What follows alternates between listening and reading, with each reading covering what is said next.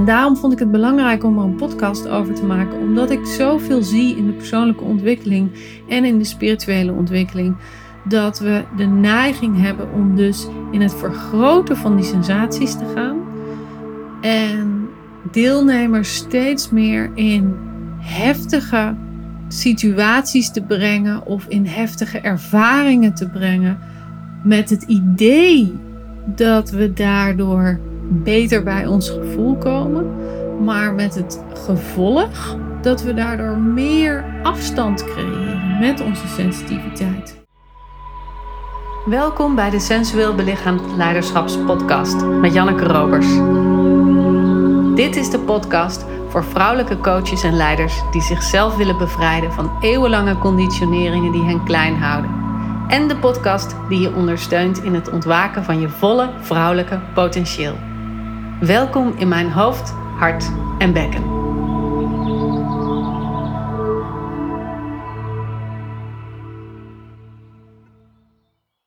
Ik neem deze podcast op voordat ik op vakantie ga. En zoals je je kan voorstellen, is zo'n vakantiemoment een deadline moment. Je werkt toe naar alles afronden, alles klaar hebben, alles lopend laten draaien op het moment dat je zelf weg bent. En er komt dus veel op dit moment op mijn to-do-lijst. En ik heb met veel rekening te houden. En ik wil ook nog gewoon bij mijn gezin aanwezig kunnen zijn. En niet zo'n week lang alleen maar stressen voordat ik vakantie heb. Dat is sowieso een hele slechte manier om op vakantie te gaan. Maar dat is voor een andere podcast.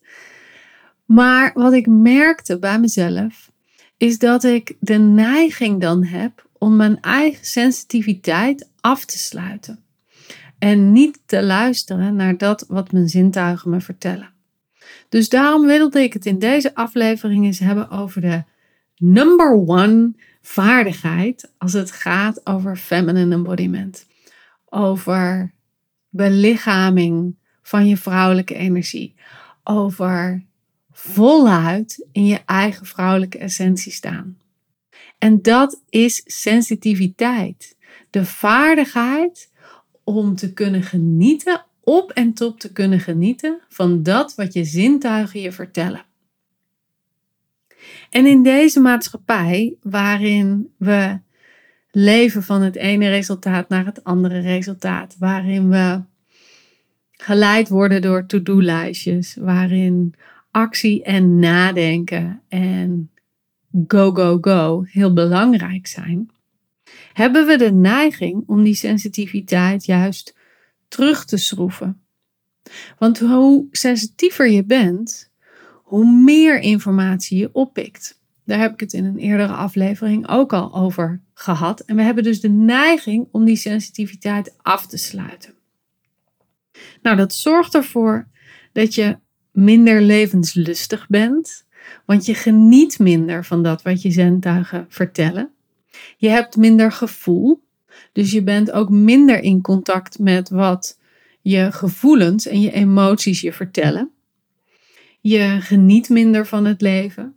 Maar je bent ook slechter in het grenzen stellen, want je hebt niet meer in de gaten wanneer je zintuigen vertellen: genoeg is genoeg. Of je hebt hier af te slaan. Of ga niet in deze rij staan, maar ga in die rij staan, want die is sneller. Dus hoe minder je naar je zintuigen luistert, hoe minder goed je bent in grenzen stellen en grenzen voelen. Dus je hebt ook steeds sneller de neiging om je te beschermen. En dus om je af te weren. En dus om uit verbinding te gaan. En dus om niet meer bij je eigen essentie te zijn en steeds voller te raken van dat wat er om je heen gebeurt. Nou, jij en veel van mijn luisteraars zijn op het pad van persoonlijke ontwikkeling. Soms omdat je dat zelf doet, maar ook omdat je dit begeleidt bij anderen, omdat je anderen meeneemt in een transformatieproces, in heling, in opstellingen, in begeleidingswerk. En dus je weet dat je die gevoelsspier en die zintuigen weer aan te spreken hebt. Maar wat is nou de andere kant daarvan? Wat is nou de valkuil waar mensen snel intrappen in die persoonlijke en spirituele ontwikkelingsscene, om het zo maar even te noemen? En dat is dat we de neiging hebben om onze sensaties te vergroten. We hebben de neiging om onze sensaties te vergroten.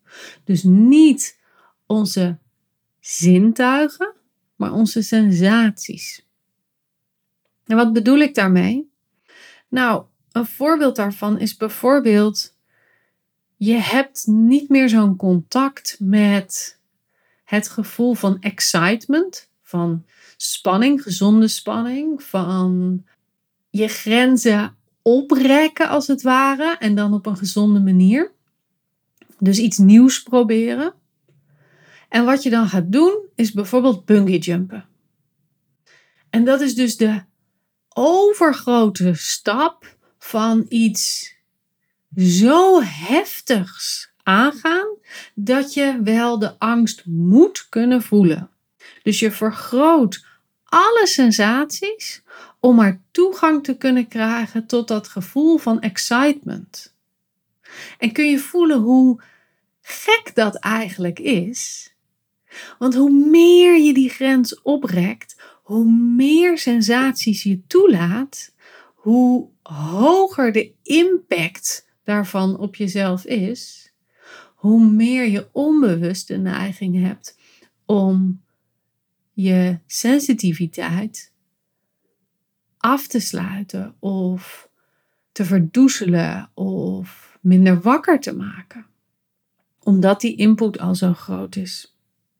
Dus wat je eigenlijk doet op zo'n moment, en misschien is bungee jumpen een, een, een groot voorbeeld buiten persoonlijke ontwikkeling, maar in persoonlijke ontwikkeling is dat bijvoorbeeld door ademwerk te doen op zo'n versneld en zo'n hoog en zo'n catharsisch eh, niveau, dat je lijf daardoor ook in een bepaald soort shocktoestand komt. Het is als het ware dat je jezelf in situaties brengt die grensoverschrijdend zijn en waardoor je dus zelf op een bepaalde manier uit je lijf hebt te vertrekken om het nog te kunnen handelen. En daarmee is het dus hertraumatiserend. Je beleeft opnieuw weer zo'n ervaring van dat iets te groot, te snel, te heftig en te dichtbij komt. En jij moet dus daarom, tussen aanhalingstekens, hè, moet, je, je, je lijf gaat dan in een automatische conditioneringsrespons die je al had. Dus je hertraumatiseert gewoon. Het is gewoon opnieuw weer dezelfde riedel afdraaien. Terwijl je eigenlijk op zoek was naar heling. En dat lukt dus niet.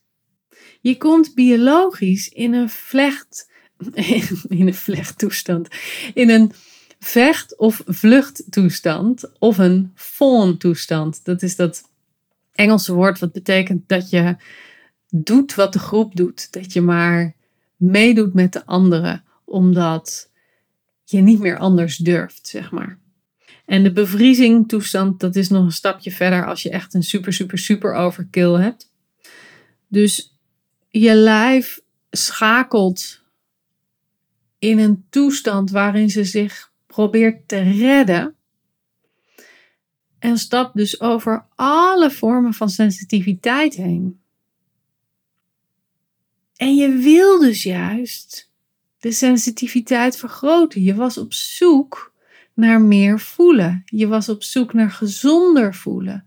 Je was op zoek naar meer verbinding, meer levenslust, meer stroom, meer eigenheid, meer ingetaptheid. En waar we dan terechtkomen is juist de andere kant van het spectrum. En daarom vond ik het belangrijk om er een podcast over te maken, omdat ik zoveel zie in de persoonlijke ontwikkeling en in de spirituele ontwikkeling, dat we de neiging hebben om dus in het vergroten van die sensaties te gaan. En deelnemers steeds meer in heftige situaties te brengen of in heftige ervaringen te brengen met het idee dat we daardoor beter bij ons gevoel komen, maar met het gevolg dat we daardoor meer afstand creëren met onze sensitiviteit. En wat volgens mij veel belangrijker is, is dat we verstillen. Dat we verzachten. Dat we rustigere ademhalingen doen. En ik doe in mijn live trainingen ook uh, verbonden ademhaling. Maar ik breng het wel op zo'n manier dat het ingebed is, dat er veiligheid is, dat je zelf reguleert hoe snel of hoe langzaam je gaat. Dat je steeds in contact blijft met wat voel ik nou in mijn lijf? En waar geeft het opening en waar geeft het juist verkramping? En waar heb ik dus niet te zijn? En wat we ook te doen hebben, is het nog meer letten op wat onze zintuigen ons dus eigenlijk vertellen. En niet die grens daarin overgaan. En wat een mooi voorbeeld daarvan is, is bijvoorbeeld met je vingertoppen heel zachtjes over je gezicht heen strijken. En dus alle aandacht, alle focus, misschien zelfs wel alle ademhaling naar het contact tussen je vingers en je huid brengen. En terwijl ik dit vertel, ben ik dat ook aan het doen. En ik merk dat ik dan zowel meer verstil, als dat er tinteling in mijn gezicht komt.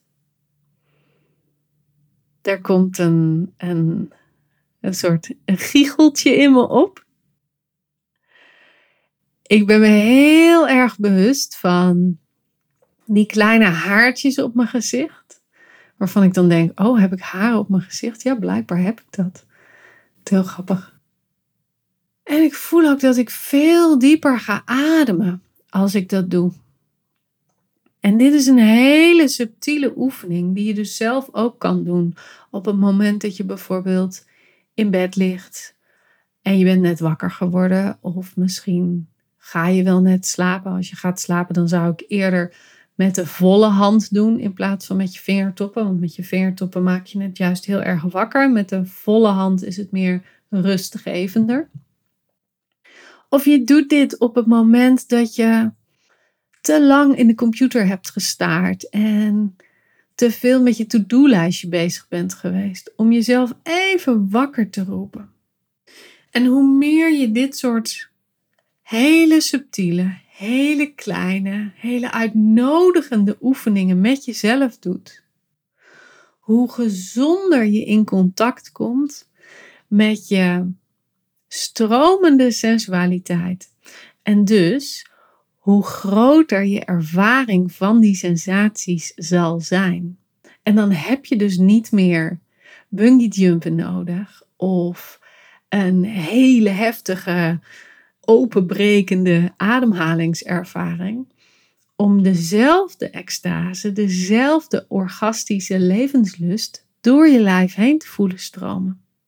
Je wordt veel sensitiever op wat er al lang in jezelf aanwezig is.